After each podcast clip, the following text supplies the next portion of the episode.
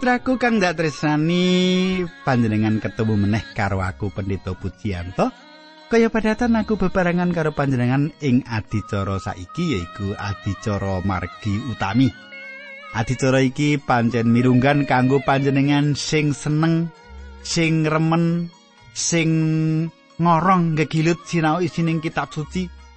Awit adicara iki tak aturake kanthi jangkep runtut tur manut urutane ayat lan pasal saka kitab suci meratelake mesaben ayat kala-kala kanthi gayutake karo panemune ilmu kasunyatan sarta kahanan urip pedinan panjenengan lan aku utamane ing babagan-babagan tata kasukman. Nek katengku awit saka kuwi ayo panjenengan nyerak karo aku kene. Sugeng midhangetake adicara iki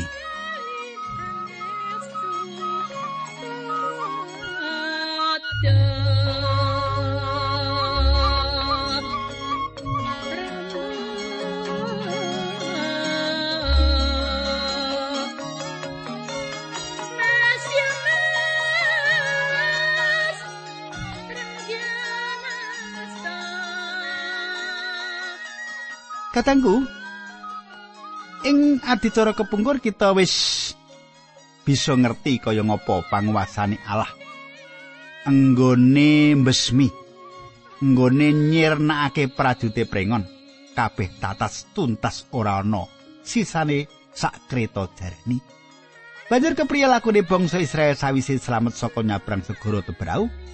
Sadurunge kita terusake panjenengan tak derekake ndedonga nanging aku ngaturake panuwun awit aku nampa layang.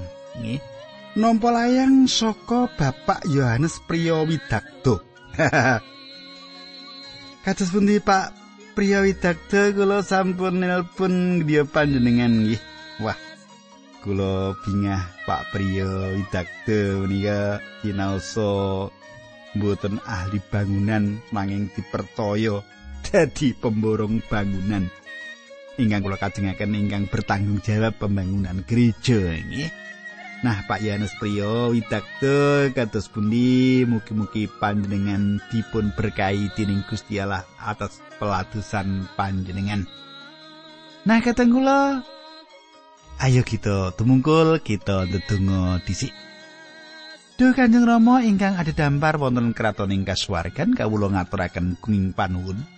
Menawi wedha menika kawula saged tetunggilan sesarengan kalian sedherek-sedherek kawula ingkang setya tuhu midhangetaken adicara menika. Kawula pasrahaken wonten ing asta paduka adicara menika lan kawula ndongaaken Pak Yohanes Priyo Widakdo ingkang gadah tanggal jawab kangge mangun gereja supados Gusti berkahi, Gusti mitulungi lan sedaya sedherek kawula ingkang derek cawi-cawi wonten peladusan gereja paduka ingkang berkahi. Linambaran asmanipun Gusti Yesus Kristus kawula tunggu. Haleluya. Amin.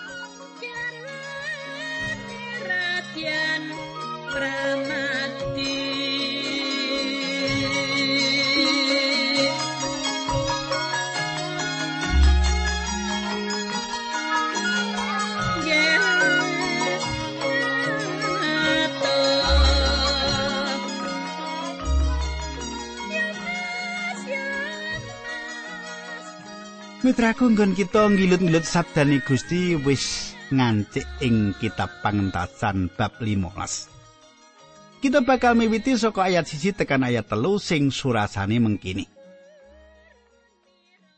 Musa lan para wong Israel banjur nglagokake kidung pamuji katur marang Allah mengkini. Ndak ngitung kunjuk marang pangeran merga perang wis menang. Jaran lan sing nunggang kabeh padha ka klelepake ing segara. Pangeran ngreksa marang aku kelawan astane kang rasa temah wis nyelametake bangsaku. Pangeran iku Allahku, pepundene leluhurku, mulane arep ndak puji kaluhurani. Pangeran iku senopati ing perang asmane kasebut Allah. Katangku bareng wis kalis saka bebaya. Bangsa Israel kanthi swara sing sura padha memuji asmane Pangeran Allah. Wong-wong iki sing sawetara wektu kepungkur padha mbesengut grundelan getuni nggone padha kaluaran saka Mesir. Saiki ayat rolas.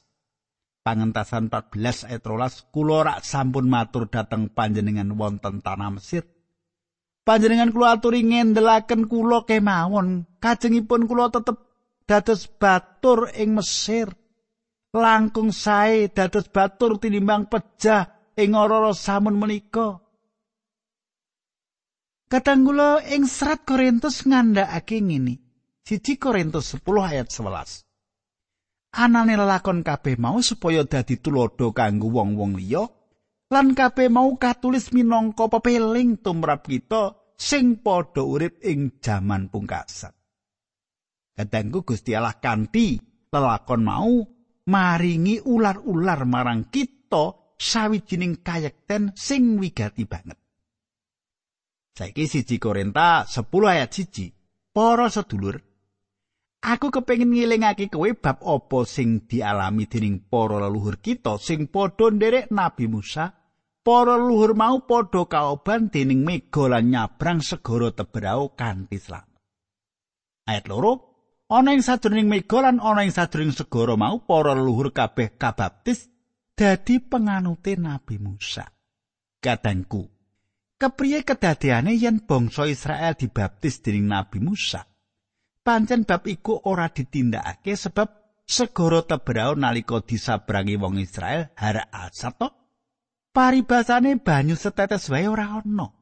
Banjur apa tegese yen wong-wong Israel mau dibaptis ing sadurunge mega-mega lan kanthi banyu segara? Ing sadurunge baptisan sing paling wigati yaiku minangka tandha. upacara baptisan pancen nganggo srana banyu. Banyu iki nggambarake yen baptisan sing ditindakake iku baptisan Roh Suci, baptisan kekantene Sang Kristus. Lan sawise iku kita kapapanake ing sadroning Sang Kristus pribadi. Banjur kepriye yen wong-wong Israel kabaptis dening Nabi Musa? Sadurunge nyabrang Tebrao, wong-wong mau padha ngrundel lan ora nrimo marang kahanan. Nanging barang wis kasil nyabrang kanthi pitulungane Allah, nuli padha memuji-muji kanthi kidunge Musa. Pancen kepemimpinane Musa marang bangsa iki bisa diluwari saka pangubre wong-wong Mesir. Ibrani 11 ayat 29. Merga saka pracaya wong-wong Israel padha bisa nyabrang segara Tebrau kaya mlaku ning daratan, bareng wong-wong Mesir nyoba arep melu nyabrang, banjur padha klelep ana ing segara mau. Kadangku, apa iku mau saka imane bangsa Israel marang Allah? Ora. Bangsa Israel durung duwe iman, malah ora ana tandha-tandhane imane bangsa Israel. Banjur imane sapa sing bisa nyabrangke bangsa Israel mau? Sumitraku, iku kabeh jalaran imane Musa. Yo Nabi Musa sing ngatongake tangane menyang segara Teberau. Yo saka kepemimpinane Nabi Musa, wong Israel diluwari saka Mesir. Musa sing prasayat nuntut bangsa iki nyabrangi segara Tebrau nalika wis padha nyabrang nuli Musa miwiti memuji Allah ing tengahing bangsa Israel. Keselamatan sakjroning padha ngadepi bebaya pancen pinangkane saka Allah. Allah ngeparengake Nabi Musa dadi lantarani kawilujengan sing wis dialami dening Israel. Kaya-kaya Israel wis kabablis dening Nabi Musa. Nalika panjenengan percaya marang Gusti Yesus minangka juru wilujeng panjenengan, panjenengan bakal kaluwarake saka panindes lan pakartining dosa. Panjenengan kauwalake saka panindese dosa, kaya dene bangsa Israel diluwari saka sia-siane bangsa Mesir. Allah nyelametake umate kaya dene Gusti Yesus nyelametake marang sapa sing pradaya. Siji Korintus 12 ayat 13. Semono uga kita kabeh apa wong Yahudi apa wong kafir, apa batur tukon, apa wong merdeka, kita wis padha kabaptis dadi badan siji lan wis diombeni saka Roh Suci. Kadangku yo Sang Roh Suci iku sing wis nyawijake nunggalake kita dadi siji, digebeng ing katresnane nuli nyawiji ing Gusti Yesus Kristus. Sumitraku, kita iki kaya dene perangane sarirane Sang Kristus, gegelitane sarirane Sang Kristus. Roh suci sing nyawijake kita kabeh dadi siji. Iki pakaryane Allah sing ngedapi-dapi kanggo nebus kita saka dosa-dosa kita. Apa sing dilakoni dening bangsa Israel wiwit saka keluarake saka Mesir nganti pangreksane Allah ana ing lakune bangsa iki nyabrang segara Teberau. Kabeh mau gambaran tumrap wong sing pracaya marang Sang Kristus. Sing diwilujengake nuli direksa lan dibelani dening panjenengane. Nalika wong Israel ing satengahing ora-ora samun padha besengut, atine ora nrimo marang kahanan apa maneh nalika ka betengi kaalangan ombak segara tebrau kabeh padha suntrut polatane nandhake ora seneng. Nanging bareng wis nyawiji bebarengan karo Nabi Musa mujekake asmane Allah. Atine padha ketaman suka parisuka gumbira tanpa upama. Ing jaman saiki akeh sing padha ngrembug bab bedamen utawa perdamaian. Nanging ora ana sing kasil. Sifat bedamene mung sawetara wae. Becike padha elinga yen ing jaman mengkoni ala bakal tumedhak ing bumi lan paring paukuman marang sapa wae sing ora urip ing perdamaian. Pancen bedamen, perdamaian ora bakal kelakon yen ora Allah dhewe sing maringi. Panjenengane bakal rawuh paring katentreman kanthi ngasta pedang kanggo paring paukuman sapa wae sing tumindak ora nyondongi kersane Allah. Lagu pamujine Nabi Musa lan bangsa Israel nggambarake pengalaman nalika nyabrang segara Teberau. Pengalaman ing berkah lan pangreksane sing ora bisa dilalekake. Pangentasan 15 ayat papat teko 6. Bolo Mesir jaranan keretane dikelepake ing segara. Para prawira sing pilihan padha klelep ing segara Teberau. Padha kakubur ing segara sing jeru padha kelem kaya watu ing dasaring banyu. Asta tengene Allah ngira-miramake mungsuh diremuk ajur muwur. Katangku bangsa Israel lagi wae oncat saka tanah Brahala, tanah sing kebak diwa-diwa. Wewelak sing dikeparangake Gusti wis padha nyerang siji mboko siji para dewa mau. Banjur kepriye panemune bangsa iki tumrap kedadian iku mau kabeh? Coba panjenengan semak pangentasan 15 ayat 11 nganti 13. Dewa punti ingkang saged nyameni paduka Allah Maha Mulya lan Maha Suci. Sinten ingkang saged damel kaeloan lan makarya kanthi pangmaos. Menawi paduka ngangkat asta tengen paduka lajeng sami kauntal dening bumi. Paduka setya dhateng janji paduka umat ingkang paduka luwari lajeng paduka irit dhateng tanah paduka ingkang suci srana pangmaos. Kadangku bangsa Israel wis dislametake dening Allah saka Mesir. Nyelametake manungsa luwih utama ketimbang liyane mula iki sing ditindakake Allah luwih dhisik marang bangsa Israel. Allah ora ngersakake apa-apa saka panjenengan lan aku sadurunge kita ditebus diwilujengake dening Allah luwih dhisik. Yaiku kanthi rah kurbani Gusti Yesus ing kayu salib sing kita percaya dadi marganing kawilujengan kita kabeh. Allah ora ngersakake donya iki ngutangi kabecikan marang Allah. Gusti Allah ora ngersakake apa-apa saka donya iki. Panjenengane Allah ngendika bab donya sing ketriwal iki. Apa sing padha kok tindake marang putraning sun sing wis seda kasalib jalaran saka dosamu? Coba panjenengan piringake maneh unine ayat 13 iki, pangentasan 15 ayat 13. Paduka setya dateng janji paduka, umat ingkang paduka luwari lajeng paduka irit dateng tanah paduka ingkang suci srana pangwaos. Kahanane ayat iki kaya-kaya bangsa Israel wis tekan ing tanah perjanjian. Pancen anggone bangsa Israel iki bisa temeka ing tanah iku jalaran dipimpin dening Allah. Pangentasan 15 ayat 18 19 tak wacake mangkene surasane. Inggih paduka do Allah ingkang ngereh langgeng ing salami-laminipun. Nalika wong Israel padha mlaku nrata segara padha ngambahing lemah gasi nanging bareng wong Mesir lan kereta-keretane dalah balani jaranan padha mlebu ing segara Gusti Allah nangkepake banyune maneh temah padha klelep. Kadangku ing ngisor iki kita pitupungan karo Miriam, jeneng sing lagi kita ngerteni. Miriam iki sedulure Harun lan Nabi Musa.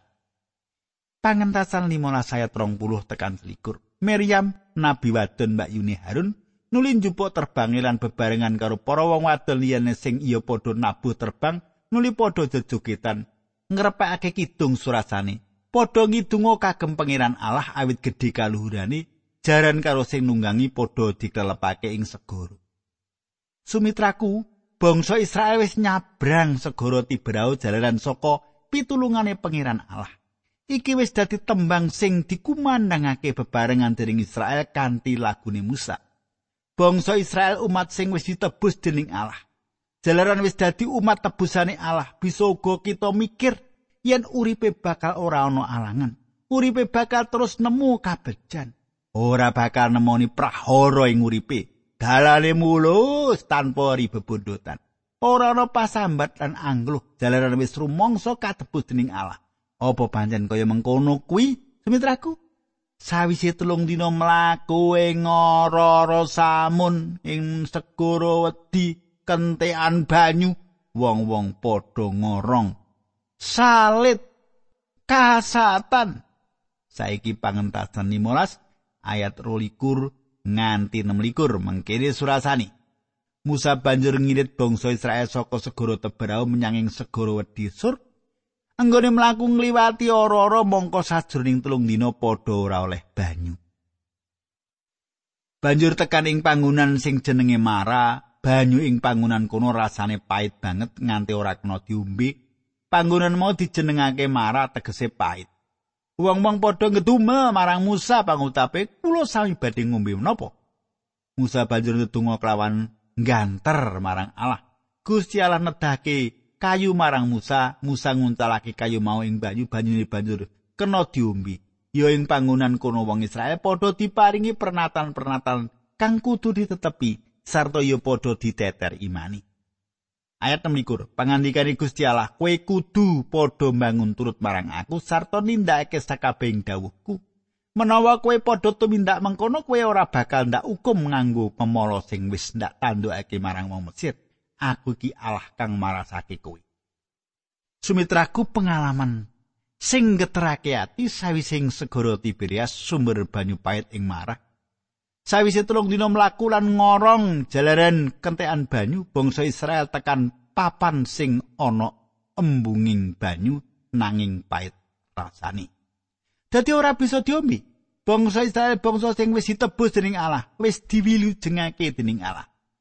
Senajan marai ki pait banyune nanging iki dalan sing kudu dilewati dening Israel. Senajan Allah sing nuntun lakune, iki dikeparengake dening Allah kaya dene pengalaman urip Kristen kita munggah mudhun susah lan bungah ganti-ganti. Kita dhewe asring bingung, kenapa kahanan iki bisa kedadian ing urip kita? Bisa dumadi ing urip kita. Senajan lelakon sing nyedhihake asring dilakoni dene wong percaya iki kabeh dudu paukumane Allah marang kita. Iki panggulawen tae kanggo ngadepi kahanan sing arep teko. Gusti tau ngendika, yen sajrone urip ing alam donya iki bakal nampa pacoban. Bisa uga panjenengan lagi ngadepi kepahitan kaya paite banyu ing mara. Malah saben wong urip senajan wong percaya padha ngadepi mara diwi-diwi. Kabeh Gusti sing kagungan rancangan. Senajan frustasi sedih kuciwa sajroning urip, Gusti wis ngeparengake. Bisa uga urip panjenengan lagi musak masik. Bisa uga kaya benang sing ruwet, malah bisa uga dalan gesang panjenengan peteng dedet limengan ora ngerti dalan sing kudu diambah. Senajan angelan gawat kliwat-liwat iki kabeh kudu kita lewati. Kita ora bisa endo. Kita ora bisa ngoncati. Kahanan iki kaya sapi sing lagi diweni tondo ing lulangi. Senajan sapi mau budi sakatoke pengalaman di stap pesi panas kudu dilewati. Supaya sapi mau sah dadi duwe juragane sapi mau wis ora bakal ketriwal. Senajan pengalaman mau nrenyuhake nanging wusanane dadi edipeni tumrap urip kita. Kita wis diwilujengake saka pati langgeng. Gusti Yesus wis sedo kasalib, ganti kita sing duraka. Mesti wae kasangsarane Gusti, gawe renane penggalihe. Sebab kaya kandhane Rasul Paulus, kanthi sedani Gusti Yesus yen sekabihe entupe dosa wis ora masah, ora tedas marang wong-wong sing wis diwilujengake. Salipe Gusti Yesus malah dadi pengalaman sing indah tumrap urip kita. Saiki pangentasan 15 ayat 17. Sak banjure wong-wong Israel tekan panggonan sing jenenge Elim. Ing kono ana sumber cacahe rolas sarta wit kurma 70. Wong-wong Israel banjur padha ngedekake kemah ing sacedhake sumber mau. Elim, sawijining papan sing kebak ing berkahe Pangeran Allah. Akeh wowoan ing kono, ana pitung puluh wit kurma lan rolas sumber banyu. Sawise nemoni sumber sing pait ing marah, saiki ketemu papan sing nyenengake. Tangis sewengi muput bakal diganti dening bungah-bungah ing esuk bakal teko. Kaya critane bab Simon Petrus sing dirante ing sajroning pakunjaran. Nanging malaikate pengiran wis nglolosi rante-rante mau. Petrus lan Silas sewengi muput dianiaya dening para sipir pakunjaran. Nanging kanthi lindu gedhe sing kedadian ngluwari para abdini Gusti iki. Ana pengalaman pait sing dialami, nanging ana bunga-bunga sing dilewati bangsa iki. Kaya ubenge roda, bisa ing dhuwur sing nyenengake, nanging bisa uga nang ngisor sing mrihatinake. Rencanane tansah rinambaran susah lan bunga. ana marah sing pait nanging uga ana elim sing kebak berkah panjenengan eling uripe Yusuf Nabi Musa Elia Raja Daud kabeh ngalami susah lan bunga rekoso lan temahane mulya. Saben kita wong pratoya duwe pengalaman iki susah bunga sengsara mulya. Sawise peteng dedet limengan bakal ana padang sumirah analahi senajan saiki ing tengahing kahanan alam sing gegirisi sedhela maneh bakal ana klubung sing sumirat ing cakrawala. Ora perlu geter yen ing pancoban sesuk ana panglipur sing bakal teka. Pancen yo kaya ngono kuwi kersane Allah kanggo kita supaya kita dadi wong percaya sing dewasa. Kahanane bangsa Israel sing tumuju marang tanah perjanjian iki dadi tepo palupi mungguing kita wong percaya. Katangku semene dhisik atur giaran iki muga panjenengan bisa nampa berkah rohani monggo kita pungkasi sarana pandonga duh Allah Rama kaswargan kawula pasrahaken gesang kawula wonten ing asta paduka. Pangandikanipun Gusti wis saged dados sanguning gesang kawula. Dinambaran asmanipun Gusti Yesus Kristus kawula netunggal haleluya. Amin